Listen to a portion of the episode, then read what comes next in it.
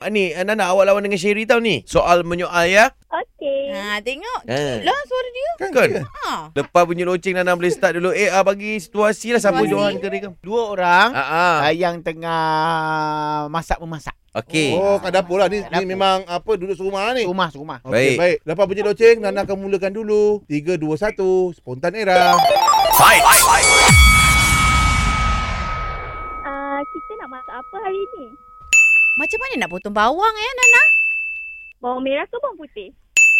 Bawang ni letak kat mana tadi? Ah, halia yang mana satu ya? Kari ni elok lagi ke tidak? Hmm, kita nak panaskan tak lauk semalam? Apa yang nak masuk dulu ni? Cili ke lekuas ya? Peti ais tu rosak ke tak? Kuali yang mana satu kita nak guna?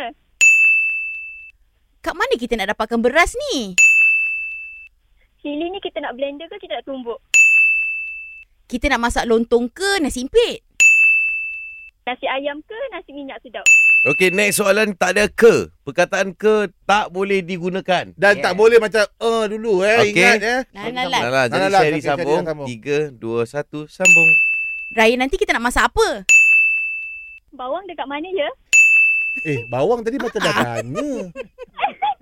Alah. Cik tanya santan ke tadi kan? Lupalah. Lupalah. Oh. Sebab sekarang kan membawa. Baik, Nana, awak kena umumkan yang Sherry menang lah. Okey. Hmm, panggil Sherry dulu. Sherry, ya, Nana ke? you win. Wah!